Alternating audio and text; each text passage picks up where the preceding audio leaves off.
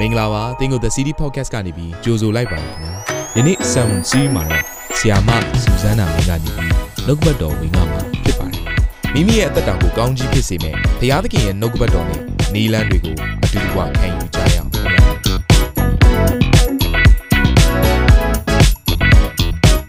ဟာလေလုယာဘုရားရှင်ကောင်းမြတ်ပါသလားဘသူအပေါ်မှာကောင်းမြတ်တာလဲ ကျမအပေါ်မှာကျွန်တော်အပေါ်မှာလို့ပြန်ပြောရအောင်ဘသူအပေါ်မှာကောင်းမြတ်တာလဲကျမတို့အပေါ်မှာကောင်းမြတ်တာဖြစ်တယ်ဒါကြောင့်မလို့ကောင်းမြတ်တဲ့ဘုရားရှင်ဒီနေ့မှာကျမတို့ကိုသူ့ရဲ့နှုတ်ကပတ်တော်အားဖြင့်တိဆောက်ပေးမဲ့ဘုရားရှင်ကျွေးမွေးပေးမဲ့ဘုရားရှင်ကိုနှလုံးသားအကျွမ်းမဲနဲ့အခုချိန်မှာလက်များကိုပေးမြောက်လေကိုရောအကျွန်ုပ်ဒီမှာရှိပါတယ်အကျွန်ုပ်ကိုစကားပြောပါအကျွန်ုပ်တက်တာကိုပြောင်းလဲပေးပါအကျွန်ုပ်တက်တာကိုပြုပြင်ပေးပါ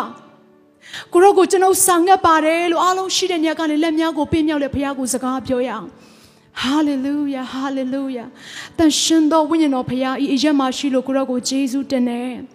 ကိုရဲ့နှုတ်ကပတ်တော်ကိုခံယူဖို့နဲ့သားသမီးတယောက်ချင်းစတဲ့နှလုံးသားတကားတွေကိုဖွင့်ထားပါတယ်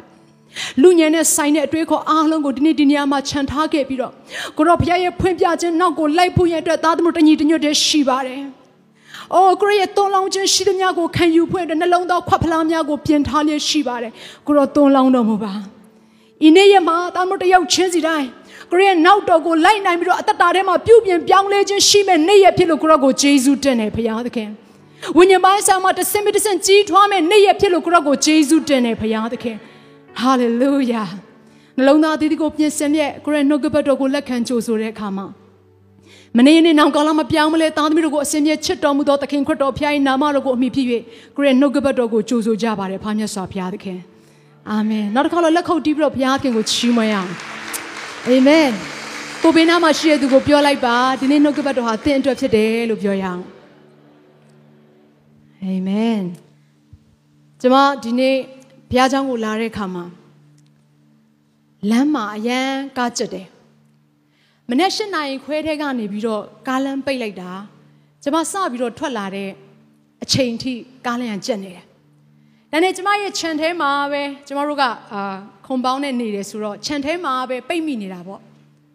အဲ့တော့ကျွန်တော်တို့ကဘုရားကျောင်းကိုအချိန်မီရောက်ဖို့ရန်အတွက် target ရှိတယ် purpose ရှိတဲ့အတွက်ကြောင့်မလို့အဲ့ညကိုရောက်ဖို့ရန်အတွက်ကျွန်တော်တို့ကပြင်ဆင်ရတဲ့အခါမှာလမ်းပိတ်နေရင်ကျွန်တော်တို့မရောက်နိုင်ဘူး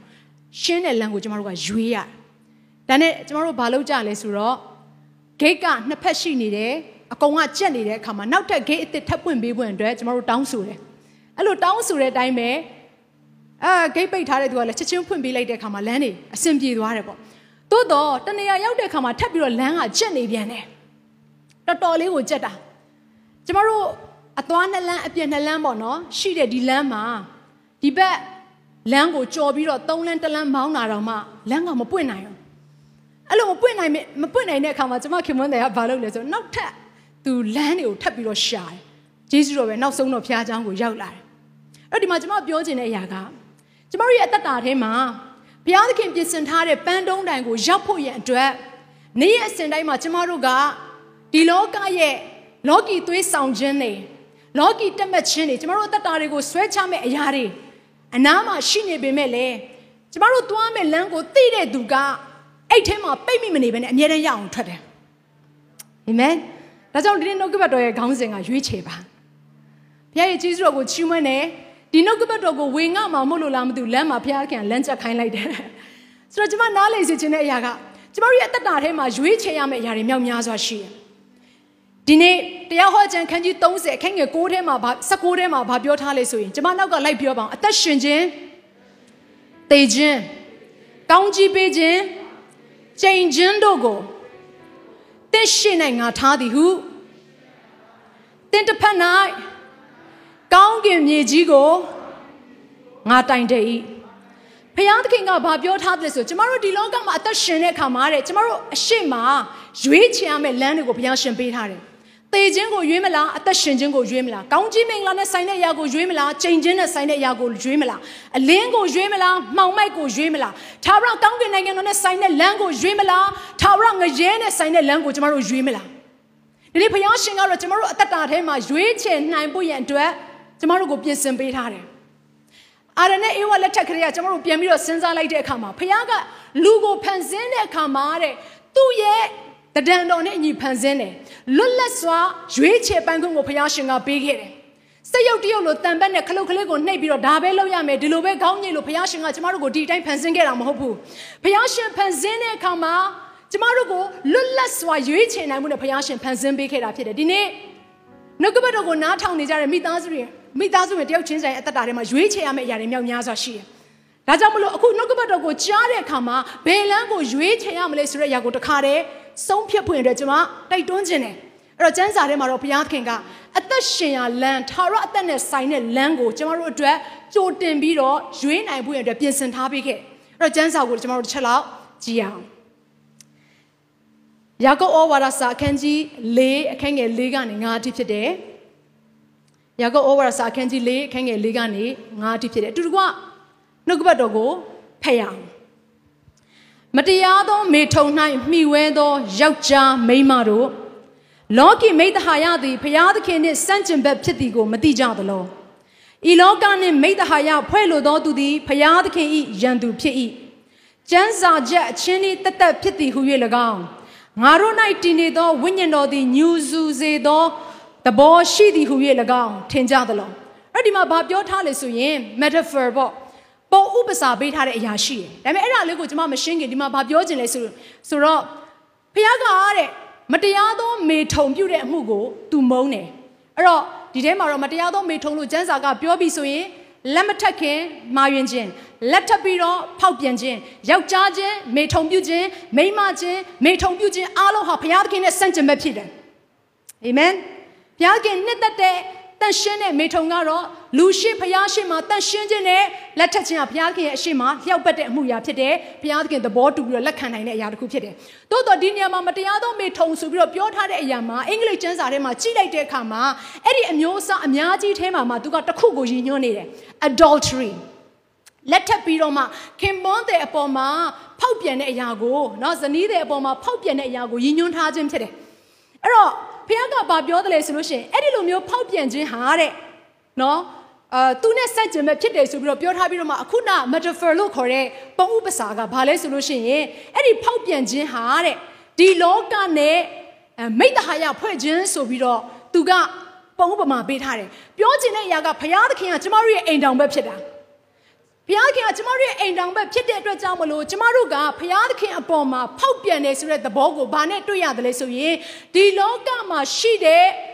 လောကီအမှုရာအားလုံးနဲ့တွားပြီးတော့ပြုံးနှောခြင်းเนาะအခြားသောဘုရားနောက်ကိုလိုက်ခြင်းဒါမို့နော်ငွေကြေးကိုကိုယ့်ရဲ့အသက်တာထဲမှာပထမနေရာထားခြင်းဒါမှမဟုတ်ပညာရေးကိုဘုရားသခင်တက်ပို့ပြီးတော့အရှိထားလိုက်ခြင်းဒါမှမဟုတ်ကိုယ့်ရဲ့အသက်တာထဲမှာဆွဲလန်းနေရတဲ့အယက်ပြေးစာဟယ်လို ပါတယ်နော်ဒီຢာတွေအားလုံးအသွေးသားတက်မှတ်မှုနဲ့ဆိုင်တဲ့ຢာတွေအားလုံးကိုပထမနေရာမှာထားလိုက်ခြင်းဆိုတဲ့ຢာတွေအားလုံးကဒီလောကီနဲ့ဆိုင်တဲ့ຢာတွေဖြစ်တယ်ဒီလိုပြောလိုက်တဲ့အခါမှာပညာရေးမတင်ရဘူးလို့ကျွန်မမပြောဘူးစီးပွားရေးမလုပ်ရဘူးလို့ကျွန်မမပြောဘူးသို့တော့စီးပွားရေးလုပ်သည်ဖြစ်စေပညာရေးလုပ်သည်ဖြစ်စေနော်ကျမတို့ဘယ်အမှုရာပဲလုပ်လို့အဲ့ဒီအမှုရာတွေရဲ့အထက်မှာဒီရာခတ်သိမ်းဟာဘုရားသခင်အတွက်ဖြစ်တယ်ဆိုတဲ့နှလုံးသားရှိပြီဆိုရင်အဲ့ဒါကဘုရားသခင်နဲ့မိသားရဖွဲ့ခြင်းလို့ဘုရားကပြောတယ် အာမင်ဒါကြောင့်မလို့ကျမတို့ရဲ့အသက်တာထဲမှာဖယားသခင်နဲ့မိတ္တဟာယဖွဲ့ခြင်းမရှိဘူးဆိုရင်တော့ဖယားကဘာပြောလဲဆိုရင်သူ့အပေါ်မှာဖောက်ပြန်နေတဲ့သူတွေဖြစ်တယ်တဲ့သစ္စာမရှိတဲ့သူတွေဖြစ်တယ်ဒါကြောင့်မလို့ခုနကျမတို့ဖတ်လိုက်တဲ့အခါမှာအခန်းငယ်9ထဲမှာဘာပြောထားလဲဆိုလို့ရှိရင်ဒီအခန်းငယ်9လေးကိုဖတ်တဲ့အခါမှာမြန်မာလိုဖတ်တဲ့အခါမှာနည်းနည်းလေးရှုပ်ထွေးစရာအကြောင်းရှိတယ်ပြန်ဖတ်ပြမယ်ပြီးရင်ကျမအင်္ဂလိပ်လိုရှင်းပြခြင်းတယ် ကျမ်းစာချက်အချင်းဤတသက်ဖြစ်သည်ဟု၍၎င်းငါတို့၌တည်နေသောဝိညာဉ်တော်သည်ညူစုစေခြင်းသောသဘောရှိသည်ဟု၍၎င်းထင်ကြသလောတဲ့အဲ့တော့အကြောင်းအရာနှစ်ခုကိုဟိုပြောထားတာမဟုတ်ဘူးသူကတော့အင်္ဂလိပ်ကျမ်းစာထဲမှာဆိုတစ်ခုပဲ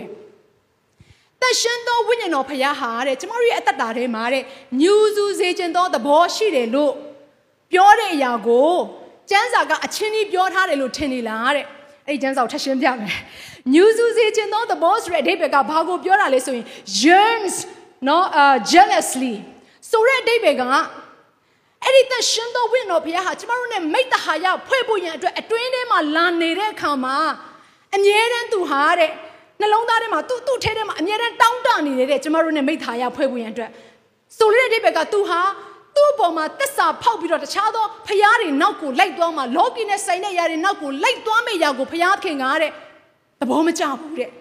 အဲ့လိုပြောထားတဲ့အရာကိုအချင်းကြီးလို့ပြောထားတယ်လို့ထင်သလားတဲ့ပြောချင်တဲ့အရာကဖယားသခင်ကသူနဲ့အကျွမ်းဝင်ခြင်းအရာကို serious ထားတယ်လို့ပြောနေတာအာမင်ဒါကြောင့်ကျွန်တော်တို့ရဲ့အသက်တာထဲမှာရွေးချယ်ရမယ့်အရာတွေအများကြီးရှိပေမဲ့လေပထမဦးဆုံးရွေးချယ်မယ့်အရာကတော့အသက်ရှင်တဲ့လမ်းနဲ့ဆိုင်တဲ့ထိုဖယားသခင်နဲ့မိတ္တဟာယဖွဲ့ခြင်းအဲ့ဒီ relationship ကိုနေ့ရက်အစဉ်တိုင်းမှာရွေးချယ်နေဖို့အတွက်လိုအပ်တယ် ကျမတို့ကဘုရားကျောင်းကိုရောက်တဲ့အခါမှာအခုဒီနေ့မှာဆိုရင်အရန်ခွန်အားရကြမယ်လို့ကျမယုံကြည်တယ်။ကျမခမ်းမတွေကိုဝင်လိုက်တာနဲ့ဘုရားရဲ့မျက်မှောက်တော်ကပြင်းစွာလှုပ်ရှားတယ်။ဖခင်ရဲ့နော်အလှုပ်ရှားခြင်းတွေအားလုံးကိုလည်းတယောက်ချင်းစတိုင်းကတိုးထိပြီးအသက်တာထဲမှာအော်ဖခင်သခင်တကယ်ရှိတယ်ဆိုတဲ့အရာသာကြီးကိုခံစားလိမ့်မယ် worship လုပ်တဲ့အချိန်မှာနော်သို့တော့ Sunday မဟုတ်ဘဲနဲ့အခြားသောရက်တွေမှာလည်းအဲ့ဒီဘုရားသခင်ရဲ့ကြီးမြတ်ခြင်းအဲ့ဒီဘုရားသခင်ရဲ့ချစ်ချင်းမြတ်တာသူ့ရဲ့ကောင်းမြတ်ခြင်းတွေကိုနေ့ရက်အစဉ်တိုင်းမှာခံစားရရဲ့လား မခံစားတဲ့အကြောင်းရင်းဆိုတာလည်းရှိတယ်။ဘာဖြစ်လို့လဲ။တစ်ဖက်မှာဖျားသခင်နဲ့တော့ချိတ်ဆက်ထားပါတယ်။တစ်ဖက်မှာလည်းလောကီအမှုရာတွေနဲ့တွားပြီးတော့ကိုကရောထွေးနေတဲ့အခါမှာဆိုတဲ့သဘောကဖျားပေါ်မှာဖောက်ပြန်နေတဲ့သူဖြစ်တဲ့အခါမှာကိုယ့်ရဲ့ခင်မွန်းတဲ့အပေါ်မှာနေ့ရက်စဉ်တိုင်းပျော်မွေ့နိုင်တဲ့သူမဖြစ်တော့ဘူး။ကြီးမြတ်ဆုံးသောဖျားသခင်အပေါ်မှာရင်ခုန်နေတဲ့သူမဖြစ်တော့ဘူး။ဘာဖြစ်လို့လောကဘက်မှာလေ तू ကတစ်ဖက်ချင်းနင်းထားတာကိုပြောချင်တဲ့အရာကလှေနဲ့နှစ်ဖက်နင်းထားတဲ့ပုံစံနဲ့တူတယ်။ ပြောချင်တဲ့အရာကသူ့ရဲ့တက်တာထဲမှာဖယားနောက်ကိုလိုက်ပါတယ်လို့ပြောပြီးတော့တစ်ဖက်မှာဘာဖြစ်နေလဲဆိုတော့နော်ဟိုဒီလောကနဲ့ဆိုင်တဲ့အရာတွေပေါ်မှာသူကခြေနဲ့နေတာအဲ့ဒါကိုဘာလို့ခေါ်လဲဆိုလို့ရှိရင်နောက်ထပ်စကားလုံးတစ်ခုပေါ့ part time christian อืม sunday ဆိုရင်တော့သူက full time ဆင်းပေးတယ်အကျဉ်းတဲ့နေ့မှာဆိုရင်တော့သူကြိုက်တာသူအကုန်လုပ်တယ်ခရိယန်လားလို့ပြန်ခရိယန်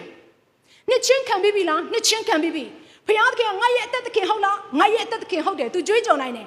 သို့တော့စန်ဒေးပြီးတော့ကျန်တဲ့အချိန်တွေရောက်လာပြီဆိုရင်ဒါငါကြိုက်တယ်ငါလုပ်မယ်ငါမသေးခင်လေးပဲလုပ်ရတာငါကြိုက်တဲ့အရာကိုငါဆက်လက်ပြီးတော့အသက်ရှင်တန်တော့ဘာဖြစ်လဲဘုရားခင်ကခွင့်လွှတ်တတ်တဲ့ဘုရားပဲလေတချို့တွေအဲ့လိုမျိုးပြောတတ်တဲ့သူတွေရှိတယ်ဒါပေမဲ့ဘုရားကဘာပြောထားဆိုဘုရားကကျမတို့ရဲ့နှလုံးသားရဲ့ဒစိတ်တသေးသားလောက်ကိုပဲသူလိုချင်တာမဟုတ်ဘူးအကုန်လုံးကိုလိုချင်တာနှလုံးသားတစ်ခုလုံး attention တစ်ခုလုံးသူ့စီကိုရောက်လာတဲ့ຢာကိုဘုရားခင်ကလိုချင်တယ်အာ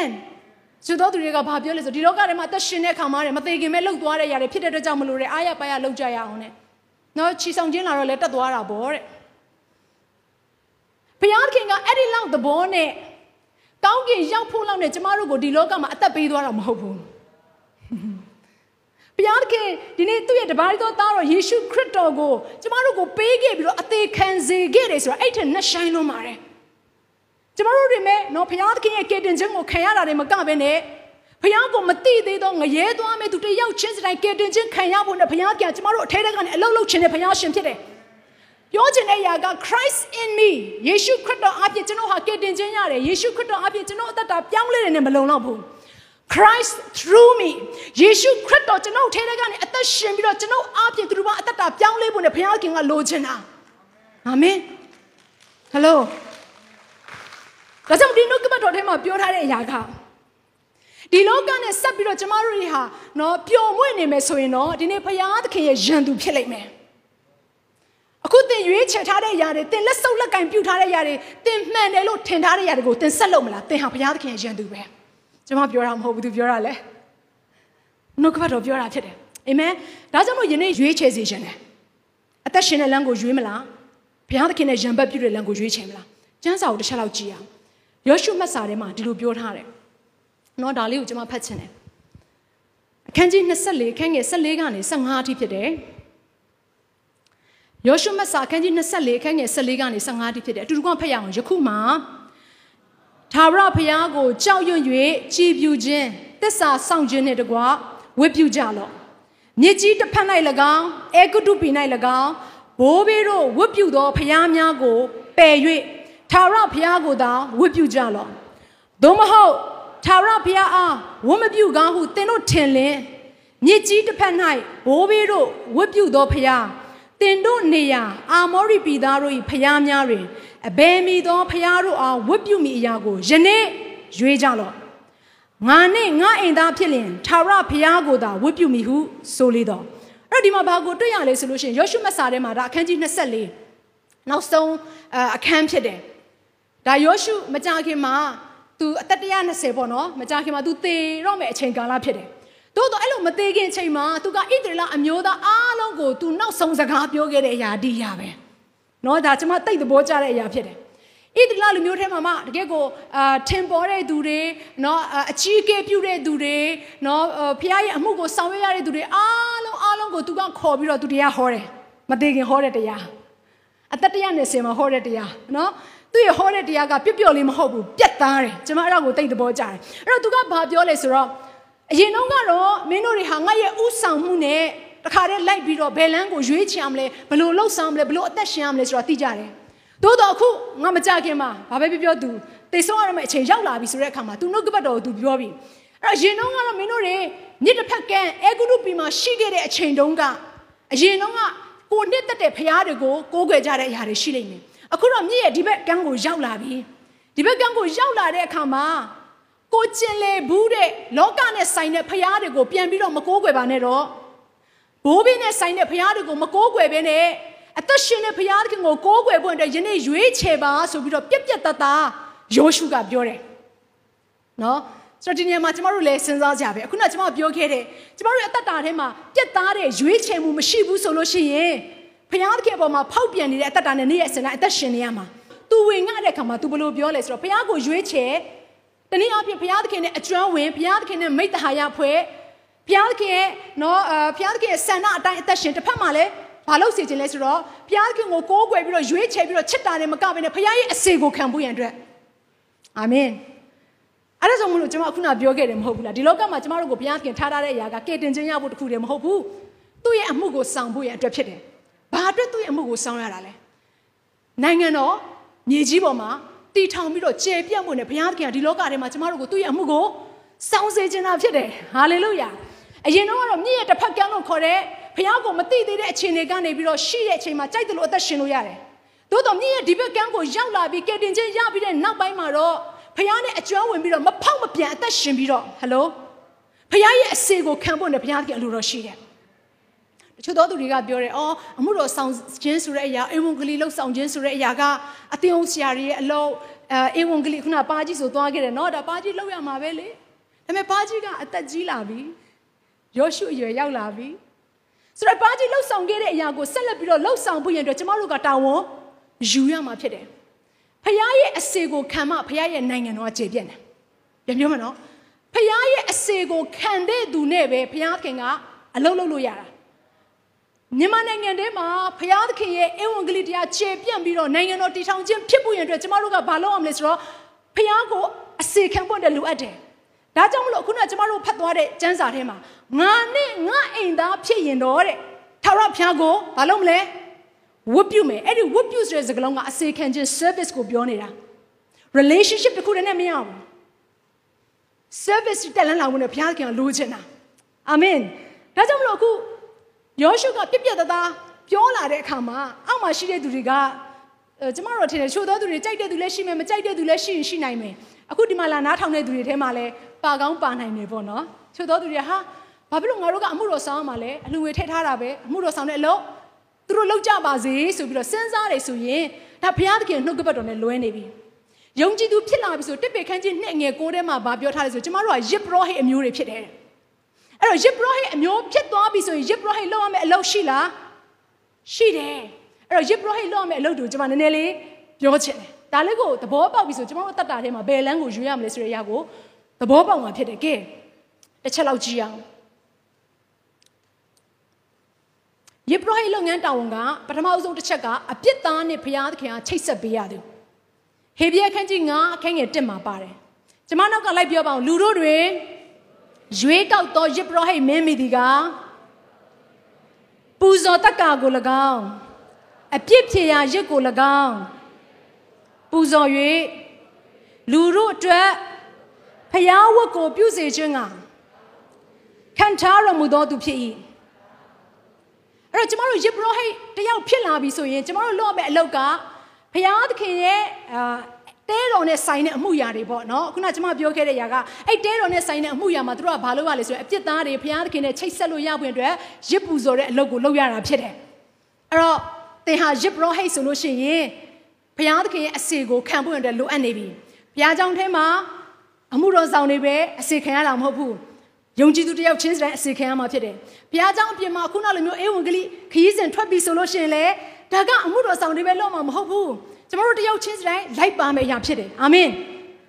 ကျမတို့သွားကြပါကျမတို့အနောက်ကနေထောက်ပံ့ပါမယ်ဆိုတော့အဲမိသားစုဝင်တွေရှိတယ်ကောင်းလားဆိုတော့ကောင်းတယ်ဒါပေမဲ့အဲ့ဒီ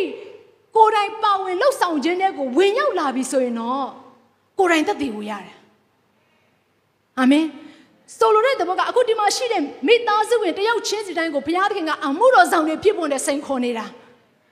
ကိုကိုယ်တိုင်ပါဝင်ခြင်းမရှိဘဲနဲ့ သူတစ်ပါးလှုပ်ဆောင်တဲ့အရာကိုလက်ခုပ်တီးတာနဲ့ကိုကိုယ်တိုင်ပါဝင်ပြီးတော့မှရတဲ့တတ်သိကိုနှုတ်ရှာပါစက်ကဝန်ခံပြီးပြောတဲ့အရာသာကွာတယ်အာမင်ဒါကြောင့်မလို့နောက်ပိုင်းမှာလည်းကျမတို့အေဝံဂေလိထွက်တဲ့အခါမှာမိသားစုဝင်တယောက်ချင်းစီတိုင်းကိုကျမတို့စိန်ခေါ်ပြီးတော့အတူတူကပါဝင်ဖို့ရန်အတွက်ခေါ်သွားမှဖြစ်တယ်။ဘာဖြစ်လို့လဲဆိုတော့ဖခင်ရဲ့အမိန့်တော်အတိုင်းပဲယေဘရဟိလော့မဲ့အလုပ်တွေကိုကျမတို့လုပ်ဖို့ရန်အတွက်လိုအပ်တယ်။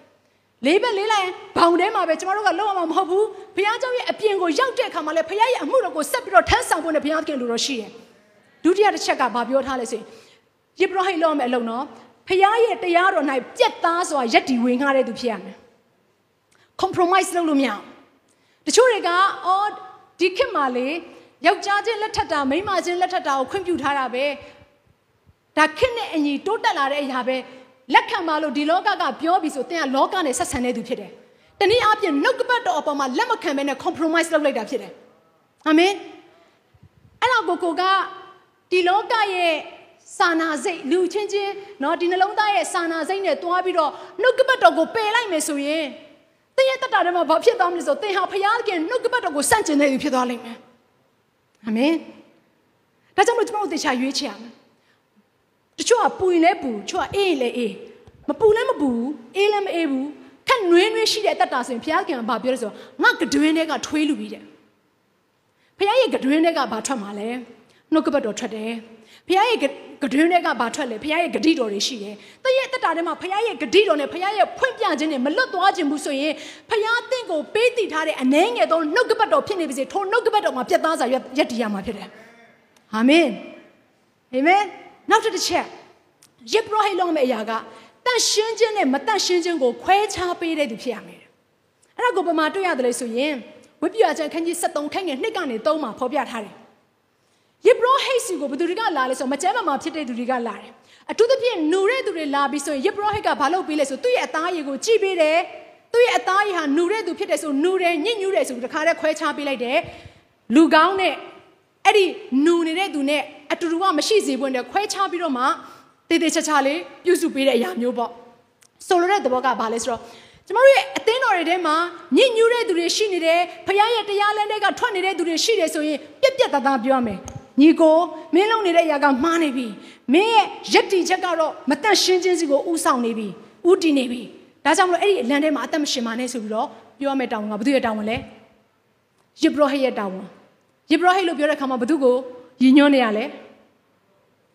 ကြည်ကြည်ပြောအောင်ကျွန်တော်ကိုကျမကိုအာမင်အဲ့တော့ဘုရားခင်ကဘာဖြစ်လို့ဒီအမှုရတွေခိုင်းနေတာလဲချို့တွေကစဉ်းစားမှာပေါ့ဘုရားမှုမဆောင်ရောမရဘူးလားဘုရားမှုမဆောင်တစ်ဖက်မှာတင်ဆောင်နေတဲ့အမှုရတော့ရှိတယ်အဲ့ဒါကမနဲ့ရဲ့အမှုကိုဆောင်တာကျမပြောခဲ့ပြီနှစ်လမ်းပဲရှိတယ်အလင်းရှိတယ်အမှောင်ရှိတယ်ထာဝရဘုရားရှိတယ်မိစ္ဆာရှိတယ်ဘယ်သူလမ်းကိုတင်ရွေးမှလဲ ဖယားနောက်ကိုမလိုက်ဘူးဆိုရင်ကျင်းတည်တယ်တင်လိုက်နေတဲ့အရာကမနဲ့ရဲ့နောက်ကိုလိုက်နေတာဒါကြောင့်မလို့ကျမ်းစာထဲမှာပြောထားလေအဖေနှစ်ယောက်ရှိတယ်တယောက်ကတော့ကောင်းကင်ဖခင်နောက်တယောက်ကတော့မှုသားရဲ့အဖမာနက်ကိုပြောနေတာအဲ့တော့ဘယ်အဖေနောက်ကိုလိုက်ကြမလဲ Come on ဒီနေ့ကျမတို့ဆုံးဖြတ်ချက်ချမှာဖြစ်တယ်ကောင်းကင်ဖခင်နောက်ကိုလိုက်မယ်ဆိုရင်လည်းပြတ်သားစွာရေးချင်ရမယ်သူခိုင်းတဲ့အတိုင်းကျမတို့အလုပ်လုပ်ဆောင်မယ်ဘယ်နေရာဘယ်နေပင်မှာပဲရှိရှိ ဘုရားသခင်ပြောတဲ့အရာပေါ်မှာလုံးဝလှည့်ပြားခြင်းကင်းစွာနဲ့ကျမတို့ပြန်လည်ပြီးတော့ဝင်ငါရဲဖို့အတွက်ကျမတို့ကိုဘုရားသခင်ကရစ်ပရောအရာနဲ့ဒီလောကထဲမှာထားထားတာဖြစ်တယ်အာမင်အဲ့တော့တန်ရှင်းခြင်းနဲ့မတန်ရှင်းခြင်းနဲ့ပတ်သက်ပြီးတော့ဒါလေးနည်းနည်းပြောချင်တယ်ကျမ်းစာထဲမှာရှန်ဆုံအကြောင်းကိုသိမှာပါဘုရားရဲ့လူပဲလေ right ဘုရားရဲ့လူညအချိန်ရောက်တဲ့အခါဘာလုပ်လဲပြည်တစားမရဲ့ရင်ဝင်ထဲမှာသွားအိတ်နေပြည်တစားမနဲ့ပျော်နေတယ် ဟေးဖခင်ရဲ့လူနော်အဲ့ဒီချိန်တုန်းကဘုရားခင်ရွေးကောက်ခဲ့တဲ့သူနော်တစ်ဖက်မှာပေါ်လူရှိတယ်ဘုရားရွေးကောက်တဲ့သူပဲညဘက်အချိန်မှာထောင်ထဲထဲမှာလေခရစ်တော်ရဲ့တရင်ကောင်းပြောလို့ထောင်ကျပြီးတော့အရိုက်ခံရတဲ့အချိန်မှာတချင်းဆိုပြီးဘုရားကိုချီးမွမ်းနေတယ်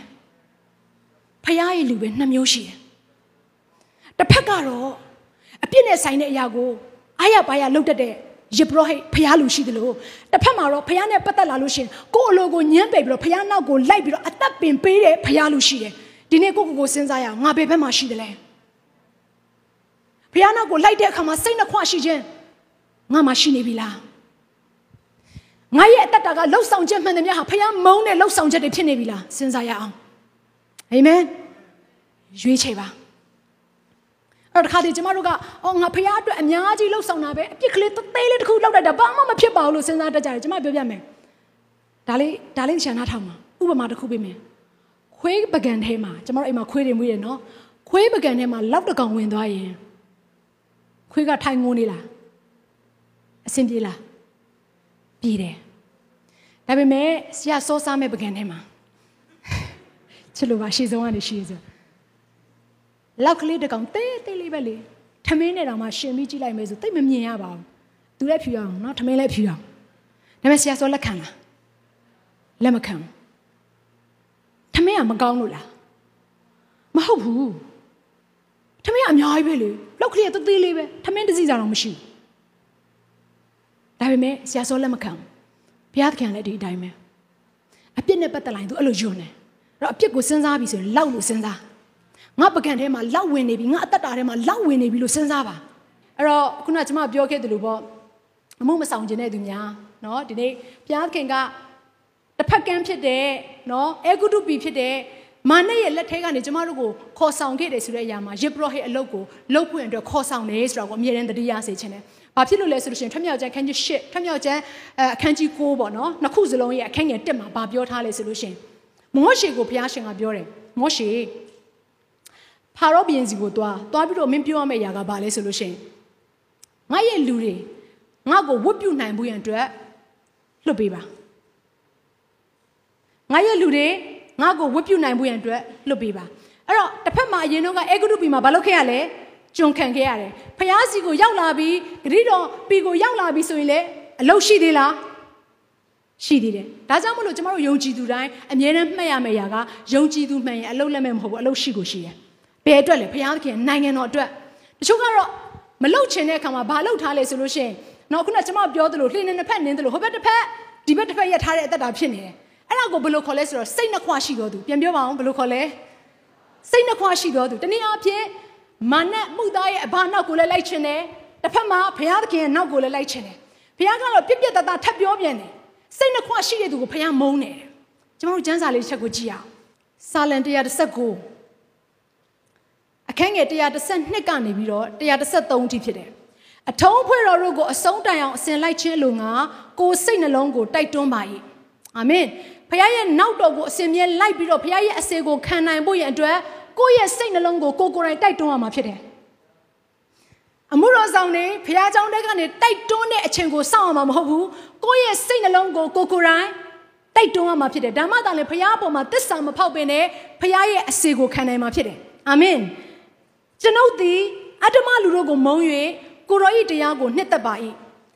မြန်မာကျမ်းစာထဲမှာအတ္တမလူလို့သုံးထားတယ်အင်္ဂလိပ်ကျမ်းစာထဲမှာတော့ double minded လို့သုံးထားတယ်စိတ်နှခွရှိတဲ့သူဒါကြောင့်မလို့ဖခင်နောက်ကိုလည်းလိုက်ချင်တယ်ဒီလောကထဲမှာလည်းပျော်မွေ့ချင်တယ်ဖခင်ဖခင်ရဲ့အစေကိုလည်းခံချင်တယ်နော်မာနရဲ့အစေကိုခံပြီးတော့အပြစ်ထဲမှာတင်ကျင်လည်နေတယ်ဆိုရင်တင့်ကိုဖခင်ကဘာပြောလဲအဲ့ဒီလိုလူကိုဖခင်မုန်းတယ်တဲ့ချို့သောသူတွေကပြောပါလိမ့်မယ်ဖခင်ကချစ်ချင်းမြတ်တာရှင် ဘာဖြစ်လို့မုန်းတယ်ဆိုတဲ့စကားလုံးသုံးတာလဲဒါလေးကိုနားလေစေချင်တယ်ဖခင်ကလူသားတိုင်းကိုချစ်တယ်ဒါပေမဲ့အပြစ်ကိုတော့မုန်းတယ်မတူဘူးနော်အပြစ်နဲ့အပြစ်သားတူလားမတူဘူးဖခင်ကကျမတို့ကိုချစ်တယ်ဒါပေမဲ့ကျမတို့အထဲထဲမှာရှိတဲ့ဒီလောကနဲ့ဆိုင်တဲ့ဖောက်ပြန်ခြင်းကိုဖခင်သခင်မုန်းတယ်ဒါကြောင့်မလို့ရွေးချယ်ရမယ်စိတ်နှခွရှိနေတဲ့အတ္တတာဖြစ်ပြီဆိုရင်တဲ့ကျမ်းစာကဘာဆက်ပြောလဲဆိုတော့ယာကုပ်ခန်းကြီး1အခန်းငယ်10မှာ ဖခင်သခင်လက်တော်မှာတစုံတစ်ခုကိုမှရမယ်လို့မထင်နဲ့တဲ့ဆိုလိုတဲ့သဘောကငါဒီဘက်ဒီဘက်ဘိုးဘေးတွေရဲ့ဖခင်ဘက်မှာလည်းငါနေမယ်ထာဝရဖခင်ဘက်မှာလည်းငါလိုက်မယ်ဆိုပြီးတော့ဟိုဘက်ဒီဘက်နော်ခြေထောက်နှစ်ဖက်ကဟိုဘက်ဒီဘက်ရောက်နေတယ်ဆိုရင်ကိုကိုယ်တိုင်ပဲနားလိုက်မယ်ခြံစည်းရိုးပေါ်မှာခွာထိုင်ထားတဲ့တူတယ်ကိုယ့်ရဲ့တက်တာထဲမှာဆုံးရှုံးစရာအကြောင်းရှိလိမ့်မယ်တမလုံးကိုကူးတဲ့အခါမှာဟာငါ့ကိုဘယ်သူလာကယ်မှာလဲဆိုတော့မျှော်နေရတဲ့ဘဝရောက်နေလိမ့်မယ် အာမင်ဒါကြောင့်ဒီနေ့ဘုရားရှင်ကပြည့်ပြည့်တတ်တာပြောတယ်စိတ်နှခွမရှိနဲ့ဘုရားဘက်ကိုလိုက်မယ်ဆိုလဲလုံးလုံးကျမတို့စုံဖြည့်ချက်ချပြီးတော့လိုက်ရမှာဖြစ်တယ်အာမင်အေလိယကဒါလေးကိုပြောတယ်ကျမအရန်သဘောကျတယ်အေလိယပြောတဲ့အရာလေးကိုနော်ဒါလေးကိုကျမဖတ်ပြခြင်းတယ်ဓမ္မရာဆိုရင်တတိယစာဆောင်အခန်းကြီး78အခန်းငယ်27မှာအေလိယသည်လူများရှိရာသို့လာ၍သင်တို့သည်ဘာသာနှစ်ပါးဆက်ကြမှာလိုက်ပြောပါအောင်ဘာသာနှစ်ပါးဆက်ကြမှာအ ဘယ်မြကာလပတ်လုံးယုံမားသောစိတ်နှင့်နေကြလိမ့်မည်နိလိုက်ပြောပါအောင်ယုံမားသောစိတ်ဒါရဘုရားသည်ဘုရားသခင်မှန်လင်ထိုဘုရားကိုစီးကကြလောဘာလသည်ဘုရားသခင်မှန်လင်ထိုဘုရားကိုစီးကကြလောဟုဆိုလင်လူများတို့သည်တိတ်ဆိတ်စွာနေကြ၏ကျမတို့အားလုံးသိပါတယ်အေလိယဟာတကယ်ကိုအာသူကနှုတ်ကပတ်တော်ဝင်ငှလို့ရှင်ပြက်ပြက်တသားဝင်ငှတဲ့သူဖြစ်တယ်တဇက်ကလေးမှသူကအပေးယူမလုပ်တတ်တဲ့သူအဲ့တော့သူပြောတယ်ဘာသာနှစ်ပါးဆက်ကြားထဲမှာနေကြအကြောင်းမရှိဘူး ဘာလဖျားလို့ခေါ်တဲ့ရုပ်တုစင်းတုကိုကျမတို့ဆက်ပြီးတော့ကိုးကွယ်မယ်ဆိုရင်အဲ့ဒီအရာကသင်ရဲ့ဖျားသခင်ဖြစ်တယ်လို့သင်ထင်အဲ့ဒီထဲမှာဆက်နေပါသို့တော်လည်းဖျားသခင်ကသာလေအသက်ရှင်သောဖျားသခင်ဖြစ်တယ်လို့သင်ယုံကြည်ရင်ထိုဖျားသခင်ကိုကိုးစားပါလို့အေလိယကပြောတယ်ဘာဖြစ်လို့လဲဆိုတော့နော်ရုပ်တုကိုးကွယ်ပြီးတော့နော်တနည်းအားဖြင့်ဘိုးဘွေးတွေနဲ့ဆိုင်တဲ့အရာကိုကိုးကွယ်ပြီးတော့တစ်ဖက်မှာလည်းဘုရားသခင်ကိုကိုးကွယ်တဲ့အရာကိုရှိတဲ့အခါမှာနော်အေလိယကယုံမုန်းတယ် အဲ့ဒီလူမျိုးလူမျိုးတွေကျမတို့အသင်းတော်တွေထဲမှာလည်းတွေ့ရတယ်ပတ်ဝန်းကျင်ထဲမှာလည်းတွေ့ရတယ်ဘုရားသခင်အလွန်ယွန်ရှာတဲ့အရာဖြစ်တယ်အဲ့တော့ကျမကသူတို့ကိုမေးတဲ့အခါမှာဘာဖြစ်လို့များနော်ဒီလိုမျိုးလှုပ်ဆောင်တာလဲလို့မေးတဲ့အခါမှာကျမမှာမိသားစုကိုမလွန်ဆန်နိုင်တဲ့အရာတွေရှိတယ်။อืมကျမကသာအကယ်၍ဘုရားသခင်နောက်ကိုလုံလုံလည်လည်လိုက်ပြီဆိုရင်ကျမကိုဘယ်သူကြွေးမှာလဲ။ကျမကိုဘယ်သူကအိမ်ပေါ်မှာခေါ်တင်ထားမှာလဲ။နော်ကျမအခုရရှိရမယ့်စီးစိမ်တွေအားလုံးကျမမရနိုင်ကြအကြောင်းဖြစ်သွားလိမ့်မယ်။ ဒါသူတို့ကိုယ်တိုင်ပြောရရနော်။ဒါကြောင့်မလို့ကျမအနေနဲ့တစ်ဖက်မှာလည်းတိတ်တိတ်ကလေးဘုရားကိုကိုးကွယ်လိုက်မယ်။တစ်ဖက်မှာလည်းထင်ပေါ်စွာနဲ့သူတို့လောကီကကြိုက်တဲ့အမှုရာတွေကိုကျမလုပ်လိုက်မယ်။အဲ့တော့ဒီနေ့ထိုကဲ့သို့သောညီကောင်မမတွေရှင်ကျမတခါတည်းပြပြတသားရစ်ပရောဟိတ်လုပ်ရမယ်အလုပ်တိုင်းလုပ်ပြစေ။တင့်ကိုဘုရားသခင်ကဘာသာနှစ်ပါးဆက်ကြားထဲမှာနော် ခြေတော့ဟိုဘက်တစ်ဖက်တင်ဒီဒီဘက်ကိုခြေတော့တစ်ဖက်တင်ပြီးတော့အသက်ရှင်တဲ့အသက်တာမျိုးဘုရားခင်မဖြစ်စေချင်ဘူးဒီနေ့တင်ကိုယ်တိုင်ရွေးချယ်မယ့်ချိန်ရောက်နေပဲတင်ဘုရားကိုရွေးချယ်မလားဒီလောကနဲ့ဆိုင်တဲ့ຢာကိုရွေးချယ်မလားအာမင်ဘုရားနောက်ကိုလိုက်မလားကိုယ်စိတ်ကြိုက်အသက်ရှင်မလားကိုယ်စိတ်ကြိုက်အသက်ရှင်ပြီဆိုတော့ကျွန်တော်တို့အသက်တာထဲမှာဘုရားခင်နဲ့ဆိုင်တဲ့ကောင်းကြီးမင်္ဂလာကိုရရှိစရာအကြောင်းမရှိဘူးမဿဲ6ထဲမှာဒီလိုပြောထားတယ်အဘယ်သူမျှသခင်နှစ်ဦး၏အစေကိုမခံနိုင်ဘူးတဦးကိုချစ်ပြီးတော့တဦးကိုမုန်းမယ် တဦးကိုမှီခိုပြီးတော့နောက်တဦးကိုကြတော့ပမာမခံပြုမယ်အဲ့တော့ဂျားနေဆိုတော့မရှိဘူးအာမင်ဒါကြောင့်မလို့ကျွန်တော်တို့ဂျားနေဆက်ပြီးတော့အသက်ရှင်နေမယ်ဆိုရင်တစ်တစ်ချက်ဘုရားသခင်ရဲ့ယံသူလို့သတ်မှတ်ခံရမယ်ဘုရားသခင်ရဲ့မုန်းခြင်းကိုခံရမယ်ရှင်းပါတယ်ကျမ်းစာဒါကြောင့်မလို့ကျွန်တော်တို့အသက်တာထဲမှာရွေးအောင်အရာခတ်တဲ့အထက်မှာဘုရားသခင်ကိုရွေးဖို့အတွက်လိုအပ်တယ် ယေရှုခရစ်တော်ကိုရွေးလိုက်လို့တင့်ရဲ့အသက်တာထဲမှာဆုံးရှုံးသွားတဲ့အရာတွေရှိခဲ့တယ်ဆိုရင်တခါတည်းကျွန်မအားပေးခြင်းတယ်ယေရှုခရစ်တော်ဟာအရာခတ်တဲ့ရဲ့အထက်မှာရှိတော်ဘုရားဖြစ်နေတယ်ဒါကြောင့်မလို့ယေရှုခရစ်တော်ကိုတင့်ရဲ့တက်တာထဲမှာရွေးလိုက်ပြီဆိုရင်ဆုံးရှုံးသွားတဲ့အရာခတ်သိမ်းတဲ့တာ၍ကြီးမြတ်တဲ့ထိုဘုရားသခင်နဲ့ဆိုင်တဲ့အရာခတ်သိမ်းကိုတင့်အပိုင်ရမှာဖြစ်တယ်ဟာလေလုယာဘုရားကိုရွေးပါဘုရားကိုအချိန်ပေးပါဘုရားရဲ့အမှုတော်ကိုဆောင်ပါအာမင် အဲ့လိုလှုပ်ဆောင်တဲ့သူရဲ့အသက်တာထဲမှာကျမ်းစာကဘာပြောထားဆို reward လို့ခေါ်တဲ့ဖျားပေးမယ်ကောင်းကြီးဆိုတာတသက်ရှိနေတယ်ဟာလေလုယာသို့တော့လင်းနဲ့တစ်ဖက်နင်းပြီးတော့ဟိုဘက်တစ်ဖက်ဒီဘက်တစ်ဖက်မီးစားတစ်ဖက်ရေမုတ်တစ်ဖက်ပူတာလည်းမဟုတ်ဘူးအေးတာလည်းမဟုတ်ဘူးဂျားနေဝါဒနဲ့တင်သွားမယ်ဆိုရင် reward တော့မရဘူးနောက်ဆုံးချိန်မှာ regret ပဲဖြစ်လိမ့်မယ်သူအဲ့ဒီထဲမှာမပါစေချင်ဘူးအာမင် ကိုစိတ်ကြအသက်ရှင်မဲ့လမ်းကိုတင်ရွေးပြီဆိုရင်တော့သေခြင်းပဲရှိတယ်ဒီနေ့ဘုရားနောက်ကိုလိုက်ပြီဆိုရင်တော့ဆုံးရှုံးမဲ့ຢာတွေရှိတယ်ပြန်ပြောမယ်နော်ဘုရားနောက်ကိုလိုက်ပြီဆိုရင်ဘာရှိလဲဟာဆရာမကတော့ဗျောင်းမြန်နေပြောနေပြန်ပြီကျမကြားဘူးတာတော့ဘုရားနောက်ကိုလိုက်ပြီဆိုရင်ကောင်းကြီးရှိတယ်လို့ပဲသိထားတာညာဘုရားနောက်ကိုလိုက်ရင်ဆုံးရှုံးမဲ့ຢာတွေရှိတယ်လုကာထဲမှာဒီလိုပြောတယ်နော်ငါ၌စီးကက်လို့တော်သူဖြစ်လင်းတဲ့ကိုကိုကိုညင်းပယ်ရမယ် deny yourself ကိုဖြစ်ချင်တဲ့အရာတွေအားလုံးကို say no ဘာလို့မှလဲ say no အဲ့တော့ကိုစ조사လိုက်ရင်ကိုယ့်ရဲ့အတ္တကြီးနဲ့စ조사လိုက်ရင်ရသွားမယ့်အရာတွေရှိပေမဲ့ ဖခင်ရဲ့အလိုတော်လမ်းထဲကနေလွဲဖယ်မဲ့အရာဖြစ်နေတဲ့အခါမှာစေးနိုးလို့လှုပ်လိုက်တဲ့အခါမှာဆုံးရှုံးသွားတဲ့ပုံစံဖြစ်မနေဘူးလားဖြစ်နေတယ်ကိုယ့်ရဲ့မာနရှိတယ်ကိုယ့်ရဲ့ဒေါသရှိတယ်ဒါပေမဲ့လည်းကိုယ့်အလိုကိုညှင်းပယ်ပြီးတော့နေလိုက်တဲ့အခါမှာထိုရာတွေကိုဆုံးရှုံးသွားလား ဆုံးရှုံးသွားတယ်ပြောချင်တဲ့အရာကဆုံးရှုံးသွားမယ့်အရာတွေအားလုံးဟာတေခြင်းနဲ့ဆိုင်တဲ့အရာတွေကိုဆုံးရှုံးရမှာဆုံးပေမဲ့တစ်ဖက်မှာအဲ့ဒီဇာတိကပုတ်ပြက်ပြီးတော့မြေကြီးထဲမှာအမြုပ်ခံလိုက်တဲ့အခါမှာမရှုံးဘူးအပင်ပေါက်သွားတယ်ဆုံးတော့လေမရှုံးဟာလေလုယာဆုံးတယ်လို့ထင်ရပေမဲ့လည်းမရှုံးဘူးကျွန်တော်တို့အသက်တာတွေကနေပြန်ပြီးတော့ sprout လေးထွက်လာလိမ့်မယ် ရှင်တန်ချင်းဆိုတဲ့အပင်ထွက်လာပြီးတော့အသီးနယ်တွေအများကြီးကိုကျွန်တော်တို့တက်တာထဲမှာရိတ်သိမ်းရမှာဖြစ်တယ်သို့တော့အဲ့ဒီလိုရိတ်ရိတ်သိမ်းနိုင်ဖို့ရန်အတွက်ကိုလိုကိုညှင်းပယ်တဲ့အခါမှာဖခင်ကဘယ်လိုပြောလဲဆိုတော့နေ့တိုင်းလိုက်ပြောပါအောင်ဆိုလိုတဲ့ရကနေ့တိုင်းမှာကိုလိုကိုညှင်းပယ်နေရမယ်ပြီးရင်ကိုလက်ဝါးကတိုင်ကိုထမ်းပြီးတော့ငါနောက်ကိုလိုက်ရမယ်နေ့တိုင်းဘယ်သူနောက်ကိုလိုက်ရမှာလဲဖခင်နောက်ကိုလိုက်ရမှာဒီနေ့တော့ငါ နော်ငါ cell group မတက်ချင်ဘူးဒီနေ့တော့ငါဘုရားကျောင်းမတက်ချင်ဘူးဒီနေ့တော့ငါဒီလတော့ငါ cell group မထည့်ချင်ဘူးဒီလတော့ငါအေဝံဂလိနဲ့ဆိုင်တဲ့ຢာကိုမဝင်ငါချင်ဘူးအိုဒီလတော့ငါရဲ့အသက်တာထဲမှာငါဖြစ်ချင်တဲ့ຢာတွေငါလှုပ်လိုက်မယ်ဆိုလို့ရှိရင်ဒါတော့ပြဿနာပဲကိုလိုကိုညှင်းပယ်ဖို့ရန်အတွက်ကျမတို့တယောက်ချင်းစတဲ့လိုအပ်နေပြီအဲ့လိုကိုလိုကိုညှင်းပယ်တဲ့သူကသာလေဘုရားသခင်၌စီးကပ်ပြီးတော့တနည်းအားဖြင့်ဘုရားသခင်နဲ့အကျွမ်းဝင်ပြီးတော့ နောက်တစ်ဆင့်ကဖခင်ရဲ့နောက်တော်ကိုလိုက်ရတဲ့ခွင့်ကိုရမယ်ဆိုရတဲ့ရကဖခင်သခင်ရဲ့အမှုတော်ကိုထမ်းဆောင်ရတဲ့ခွင့်ကိုသင်ရမှာဖြစ်တယ်အာမင်ကျွန်တော်တို့ကျမ်းစာထဲမှာကျွန်တော်တို့မှတ်မိမှာပါအာ rich young ruler အရန်ကိုချမ်းသာကြွယ်ဝတဲ့တထေသားလေးကျွန်တော်အဲ့အမှုရာကိုမှတ်မိမယ်လို့ယုံကြည်တယ်မာကုထဲမှာတွေ့ရတယ်အဲ့ဒီတထေသားလေးကယေရှုခရစ်တော်နောက်ကိုလိုက်ချင်တဲ့အခါမှာယေရှုခရစ်တော်လမ်းမှာလာတဲ့ရောက်ကိုမြင်တဲ့အခါမှာပြေးသွားပြီးတော့ဒူးထောက်တယ်တဲ့ကျမ်းစာထဲမှာနော်ဘလောက်တောင်ယေရှုနောက်ကိုလိုက်ချင်လဲမသိဘူး ပြေးသွားပြီးတော့ဒူးထောက်တယ်တဲ့ဒူးထောက်ပြီးတော့ကောင်းမြတ်သောဆရာတဲ့နော်သာရအသက်ကိုရခြင်းအလုံးကကျွန်တော်ဘယ်လိုလုပ်ရမလဲလို့သွားမေးတယ်ဒါနဲ့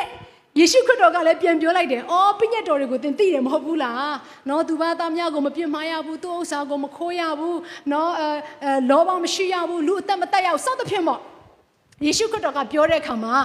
အဲ့ဒီ rich young ruler ကဘာပြန်ပြောလဲကျွန်တော်အားတွေအားလုံးငငယ်တည်းကလုပ်ပြီးသွားပြီ။ ဘယ်တရလုတ်ပြီးတာလဲငငယ်တွေကလုတ်ပြီးသို့တော့နောက်တစ်ဆင့်ကိုယေရှုကပြောလိုက်တဲ့အခါမှာသူလက်မခံနိုင်ဘူးအဲ့ဒါကဘာလဲဆိုတော့ဟုတ်ပြီမင်းသားတွေအကုန်လုံးလုတ်ပြီးပြီဆိုရင်တခုတော့လူသေးတယ်ဘယ်နှခုလဲတခုတခုတော့လူသေးတယ်အဲ့ဒီအရာကဘာလဲဆိုရင်မင်းမှာရှိတဲ့ပစ္စည်းဥစ္စာစီးစိမ်ကြွားချမ်းသာမှုတွေအားလုံးကိုရောင်းပြီးတော့နော်အိမ်တွေရှိမှာပေါ့သူ့ရဲ့လယ်တွေရှိမှာပေါ့အားလုံးကိုရောင်းပြီးတော့ငါနောက်ကိုလိုက်ခဲ့ပါတယ်အဲ့ဒါကဘာကိုဆိုလို့နေရလဲဘုရားရဲ့ အမှုကိုဆောင်ခြင်းဝတ်ပြုခြင်းလို့ခေါ်တယ်အဲ့ဒီຢာကိုလည်းပြောလဲပြောလိုက်ကိုတခါတည်းခုနတထေသားလေးကငိုကြွေး grieving ဖြစ်တာပေါ့ငိုကြွေးပြီးတော့ယေရှုခရစ်တော်ရဲ့အရှိကနေထွက်သွားတယ်တဲ့ဖခင်ရဲ့အစေကိုခံဖို့ဆိုတဲ့အရာကလေတတ်မှတ်ခြင်းတွေရှိနေအစေခံလို့မရအောင်အာမင်ငွေရဲ့တတ်မှတ်ခြင်းနောက်ကိုလိုက်ပြီးတော့ဖခင်ရဲ့အစေကိုခံတယ်ဆိုရင်အဲ့ဒါဖခင်ရဲ့အရှိမှာသက်စာမရှိတော့သူပဲ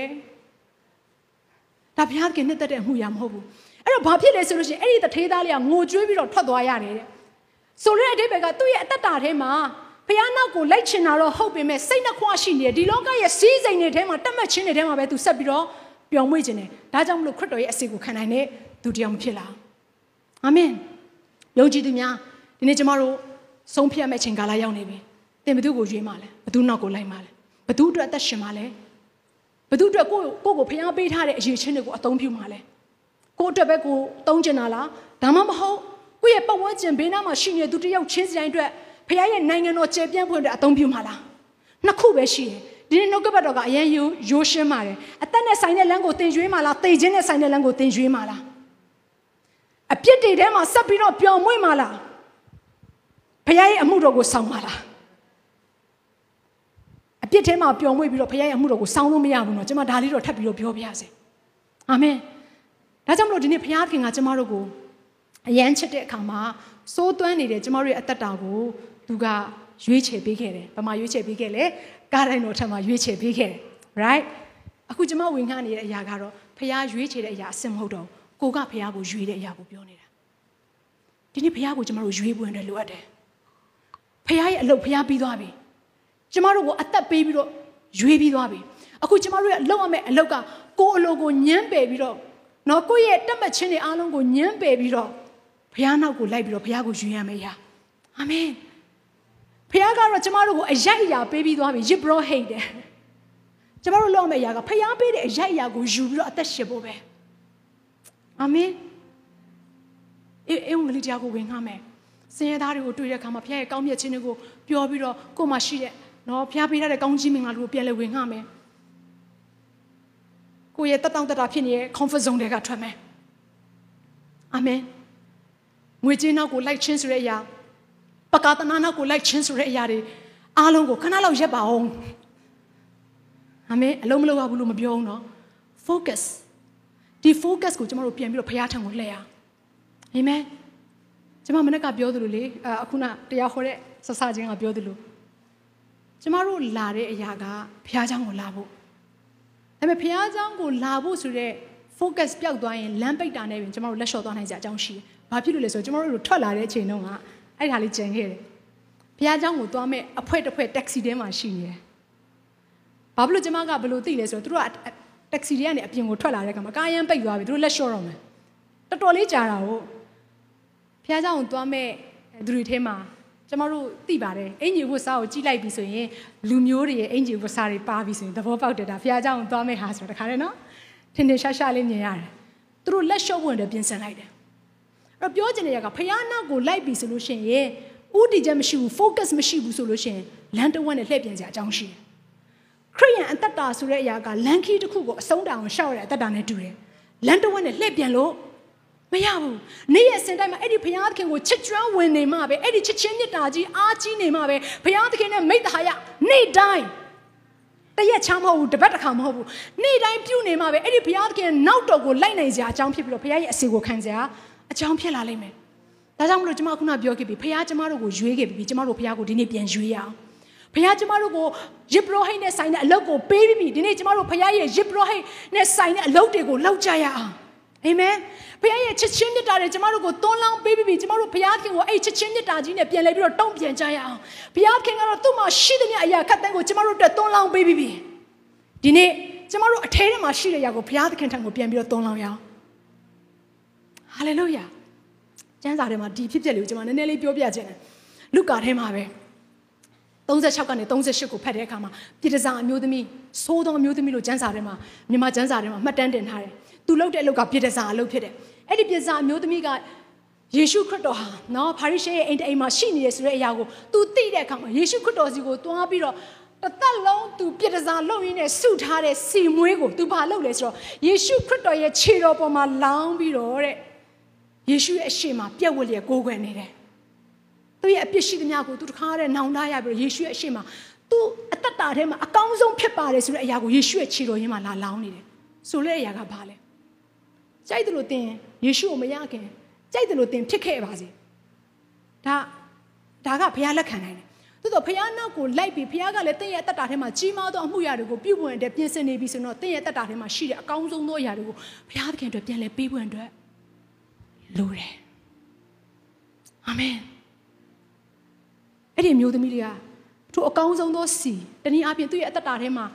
တန်ဖိုးအရှိဆုံးသောအရာကိုဘုရားသခင်အတွက်ပြန်ပေးလိုက်တဲ့အခါမှာ လွတ်မြောက်ခြင်းရတယ်ဘုရားရဲ့ဘုန်းတော်ထင်ရှားခြင်းဖြစ်လာတယ်ဒီသင်ရဲ့အသက်တာထဲမှာဘုရားသခင်ပေးထားတဲ့အရာတွေမြောက်များစွာရှိတယ်သင်ကိုယ်တိုင်ထုတ်ယူပြီးတော့ဘုရားသခင်ဘုရားခင်ရဲ့နိုင်ငံတော်အတွက်ပြန်လဲပြီးတော့အသုံးပြုရမှာဖြစ်တယ်ဘယ်သူမှလာထုတ်ယူပေးလို့မရဘူးကိုယ်တိုင်ဆုံးဖြတ်ချက်ချအောင်ကိုယ်စိတ်နှလုံးကိုအမြဲတမ်းနှိုးဆော်အောင်ပါကိုကိုယ်တိုင်နှိုးဆော်အောင်ပါကျမတို့ဒီမှာနှုတ်ကပတ်တော်ဝင်ငှသွားတဲ့အခါမှာဒီအခန်းထဲမှာကြားပြီးရင်အပြင်ရောက်မေ့သွားတတ်တယ် right ဟုတ်လား ဒီနေ့တရားဟောတာခွန်အားရတယ်ငါ့ကိုဘုရားသခင်စကားပြောတယ်လို့ဘလောက်ပဲပြောပြောတပတ်ကြာရင်မေ့သွားတယ်မိတ်ဆွေလည်းမြင်ဘူးတယ်ဟိုတစ်ခေါက်တုန်းကလေဟိုတစ်ခေါက်တုန်းကဆရာမဝင်ငှတာအရင်ခွန်အားရတာပဲအရင်ကောင်းတာပဲဘာလဲရင်ကျမလည်းအများကြီးဝင်ငှတော့ဘယ်တစ်ခုမှမသိလို့အေးကျမလည်းမေ့သွားတယ်အဲဒီထဲမှာရှိတဲ့သူတွေတော့မဖြစ်နိုင်ဘူးအပြင်ကလူတွေပဲဖြစ်လိမ့်မယ်နော်အဲ့လိုမေ့တတ်တာနော် ဒီထဲမှာရှိတဲ့မိသားစုတွေနဲ့အကုန်မှတ်မိတယ်အာမင်ဉာဏ်ကောင်းသောသူတွေဖြစ်တယ်ပညာရှိသောသူတွေဖြစ်တယ်ဟာလေလုယာကောင်းသောအရာကိုရွေးယူတတ်တဲ့သူတွေဖြစ်တယ်အာမင်အားလုံးရှိတဲ့နေရာကခဏလောက်မတည့်ရအောင်ရွေးရအောင်ဒီနှုတ်ကပတ်တော်ကိုကြားတဲ့အခါမှာသင်ကိုဘုရားသခင်ကစိန်ခေါ်နေတာဖြစ်တယ်အာမင်ဘုရားသခင်စိန်ခေါ်ခြင်းကိုသင်ရဲ့တက်တာထဲမှာ ကြားလာရပြီဆိုရင်အဲ့ဒီနှိုးဆော်တန်ကိုသင်ကြားလာရပြီဆိုရင်လှုပ်ဆောင်တော်သူကမင်္ဂလာရှိတယ်တဲ့ဒီနေ့ဆုံးဖြတ်ချက်ချပါဟာဆရာမရေကျွန်တော်ဆုံးဖြတ်ချက်ချဖို့ရင်အတွက်ဘုရားမှုတော်ဆောင်မွေးနဲ့ပြန်စဉ်းစားလိုက်အောင်မယ်ပြန်ဆုတောင်းလိုက်အောင်မယ်ဆိုပြီးတော့တချို့ကပြောတဲ့သူလည်းရှိပြန်တယ်ဆုတောင်းကြမလို့တော့ဘူးလှုပ်ဆောင်လို့ဘုရားသခင်တိုက်ရိုက်ပြောထားပြီးနေပြီအာမင်ဟာလေလုယာဒါကြောင့်မို့ဘုရားသခင်ရွေးချယ်ခြင်းကိုခံရတဲ့သူများဘုရားသခင်ကြီးမြတ်တဲ့အလုတ်တောင်းဝန်ကိုပေးအပ်ခြင်းခံရတဲ့သူများ နေဘုရားသခင်နဲ့မိသားရဖွဲ့ပြီးတော့ဘုရားရဲ့အစီကိုခံဖို့ရန်အတွက်ဘုရားကိုဝတ်ပြုပြီးတော့ကိုးကွယ်ဖို့ရန်အတွက်ဘယ်နှယောက်စံတားရှိလဲဘုရားရဲ့နောက်တော်ကိုငါလိုက်မယ်အာမင်ဘုရားရဲ့နောက်တော်ကိုလိုက်ပြီဆိုဒါလေးကိုကျွန်မနည်းလေးပြောပြချင်ဘုရားရဲ့နောက်တော်ကိုလိုက်ပြီဆိုရင်ဆုံးရှုံးရတဲ့အရာတွေဆိုတာရှိတယ်အာမင်ဘုရားရဲ့နောက်တော်ကိုလိုက်ပြီဆိုလို့ရှိရင်ဘာတွေဆုံးရှုံးရလဲလို့မေးလိုက်မယ် ကိုလိုညင်းပေရတယ်တဲ့ဘုရားရဲ့နောက်ကိုလိုက်ပြီဆိုရင် say no to your sin အပြစ်နဲ့ပတ်သက်တဲ့အရာတွေအားလုံးကို no ပြောရမယ် say no ကျမတို့ရဲ့တတ်မှတ်တဲ့အရာတွေအားလုံးကို no ပြောရမှာအဲ့တော့ဆိုလိုတဲ့အရာကခရစ်တော်နောက်ကိုလိုက်ပြီဆိုရင်တတ်မှတ်တဲ့အရာတွေအားလုံးဆုံးရှုံးလာလိမ့်မယ်လောဘနဲ့ဆိုင်တဲ့အရာဆုံးရှုံးလာလိမ့်မယ်ဒေါသနဲ့ဆိုင်တဲ့အရာဆုံးရှုံးလာလိမ့်မယ်ဒီလောကနဲ့ဆိုင်တဲ့ညဉ့်ညူးခြင်းတွေအားလုံးသင်ဆုံးရှုံးသွားလိမ့်မယ် သိကောင်းတဲ့အရာပဲတစ်ဖက်မှာသင်ရဲ့တတ်တာကြီးထွားခြင်းလို့ခေါ်တယ်ဟာလေလုယာအိုးဝိညာဉ်ပိုင်းဆိုင်ရာမှာတန်ရှင်းခြင်းနဲ့ဆိုင်တဲ့အရာကာမဂုဏ်ချုပ်တီးခြင်းနဲ့ဆိုင်တဲ့အရာဘုရားသခင်ကိုကိုးကွယ်ခြင်းနဲ့ဆိုင်တဲ့အရာဘုရားသခင်ရဲ့အစေကိုခံပြီးတော့ချက်ချင်းဝမ်းမြောက်ခြင်းငြိမ်သက်ခြင်းစိတ်ရှည်ခြင်းဂျေဇုပြုခြင်းထိုအရာခတ်သိမ်းကသင်ရဲ့တတ်တာထဲမှာကြီးထွားလာမှာဖြစ်တယ်ဆိုလိုတဲ့အရာကသင်အနေနဲ့ဆုံးသွားတယ်လို့ထင်ရတဲ့အရာရှိပေမဲ့မရှုံးဘူးအာမင် ဇာတိလို့ခေါ်တဲ့သင်ရဲ့အသက်တာကြီးကိုမြေကြီးထဲမှာမြုပ်လိုက်ပြီးတဲ့နောက်ပိုင်းမှာအသက်ရှင်ခြင်းလို့ခေါ်တဲ့ဟာလေလုယာအသီးသီးခြင်းလို့ခေါ်တဲ့ဝိညာဉ်ပဂရိကြီးကသင်ရဲ့အသက်တာထဲမှာရှင်သန်လာမှာဖြစ်တယ်အာမင်ရှုံးပါစေလောကနဲ့ဆိုင်နေရတယ်ရှုံးပါစေကျမတို့ရဲ့ဒေါသမောဟတတ်မှတ်ခြင်းနဲ့ဆာလောင်ခြင်းနဲ့ဘုရားသခင်ရဲ့အနိုင်ယူပါစေ Come Holy Spirit တန်ရှင်းသောဝိညာဉ်တော်ဘုရားကျွန်ုပ်ဒီနေရာမှာရှိတယ် I need you Lord ကိုရောကိုကျွန်တော်အရန်ဆောင်ငတ်နေတယ်ကျွန်မအရန်ဆောင်ငတ်နေတယ်ကိုရောနဲ့ချစ်ကျွမ်းဝင်ပြီးတော့မိတ္တဟာယဖွဲ့ပွင့်တယ်ကျွန်တော်ဆောင်ငတ်နေတယ်လို့ပြောရအောင်ဒီလောကဘက်မှာတင်အမြဲတမ်းခြေလှမ်းပြီးတော့အပြစ်ဘက်မှာတင်တစ်ဖက်ကိုခြေလှမ်းထားမယ်ဆိုရင်တော့ထိုဘုရားသခင်ရဲ့တိုးလောင်းခြင်းတွေကိုတင်အပြည့်အဝခံစားမှာမဟုတ်ဒါကြောင့်မို့ဒီနေ့မှာဆုံးဖြတ်ချက်ချပါအပြစ်ထဲကထွက်မယ်ဖခင်နောက်ကိုလိုက်မယ်ဖခင်နဲ့ချစ်ကျွမ်းဝင်မယ်အာမင်ရှိရရက်ကနေကျွန်တော်အားလုံးလက်များကိုပြင့်မြောက်ပြီးတော့ကိုယ့်ရဲ့အသက်တာကိုစက္ကအနံ့ကြရအောင် ဟာလေလုယာကိုရောဖခင်ကိုရောကိုအကျွန်တော်လိုအပ်တယ်ကျွန်တော်ကိုရဲ့ကိုရဲ့အမှုတော်ထဲမှာကျွန်တော်ထမ်းဆောင်ခြင်းနဲ့ကိုစိတ်ကြိုက်အသက်ရှင်ခြင်းတွေကနေထွက်ပြီးတော့ကိုရောနောက်ကိုလိုက်ခြင်းနဲ့အာမင်အာမင်ကိုအလိုကိုနေ့တိုင်းညင်းမယ်ကိုရောကိုတက်မတဲ့အရာတွေကိုနေ့တိုင်းညင်းပြီးတော့ကိုရောရဲ့လက်ဝါးကတိုင်ကိုနေ့တိုင်းထမ်းတော့မယ်ကိုရောနောက်ကိုလိုက်မယ်ကိုရောဒီရကကျွန်တော်ရဲ့ဆုံးဖြတ်ချက်ဖြစ်တယ်လို့ကိုရောကိုပြောရအောင်ကိုနဲ့ပတ်သက်လိုက်မရှက်တော့ဘူး ကိုနဲ့ပတ်သက်လိုက်လူတွေဘလို့မြင်မလဲဆိုတော့အရာကိုကျွန်တော်မစင်စားနိုင်တော့ဘူးဒီနေ့ကျွန်တော်အတွက်အဆက်ကွဲခံပြီးတော့အသေးခံပြီးတဲ့အိုးကိုရောဖခင်ကရှိနေမှတော့ကျွန်တော်ကဘယ်အရာကိုထပ်ပြီးတော့ကြောက်ရွံ့နေရမှာလဲလို့ဒီဖခင်ရှင်ကိုပြောရအောင် Hallelujah, hallelujah. Oh, hallelujah.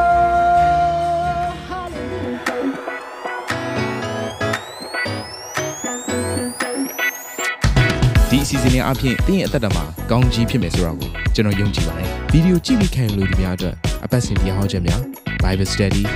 ကြီးမွန်ကိုယ်ွယ်ခြင်းနဲ့အခြားသောအကြောင်းအရာတွေဟာတင်းအတွက်အဆင်ပြေရှိနေပါတယ် YouTube မှာ The City Space TV လို့ရိုက်ထည့်လိုက်တဲ့အခါကျွန်တော်တို့ကိုတွေ့ရှိမှာဖြစ်ပါတယ် Subscribe လုပ်ခြင်းအပြင်တင်းနဲ့ထက်ချက်မကွာအမြင်ရှိနေပါဦးဒါအပြင် Facebook မှာလည်း The City ရန်ကုန်လို့ရိုက်ထည့်လိုက်တဲ့အခါတည်င်းအချက်အလက်တွေ poster တွေကိုအချိန်နဲ့တပြေးညီတွေ့ရှိအောင်မှာဖြစ်ပါတယ်ခင်ဗျာ The City Podcast ကိုနားထောင်ကြတိုင်းဖခင်သခင်ရဲ့ထူကြသောဖွင့်ပြချက်နဲ့ကောင်းကြီးမင်္ဂလာများခံစားမိကြောင်းကျွန်တော်ဆုတောင်းရင်ဒီ season လေးကိုဒီမှာပဲညှိနှိုင်းပါရစေခင်ဗျာ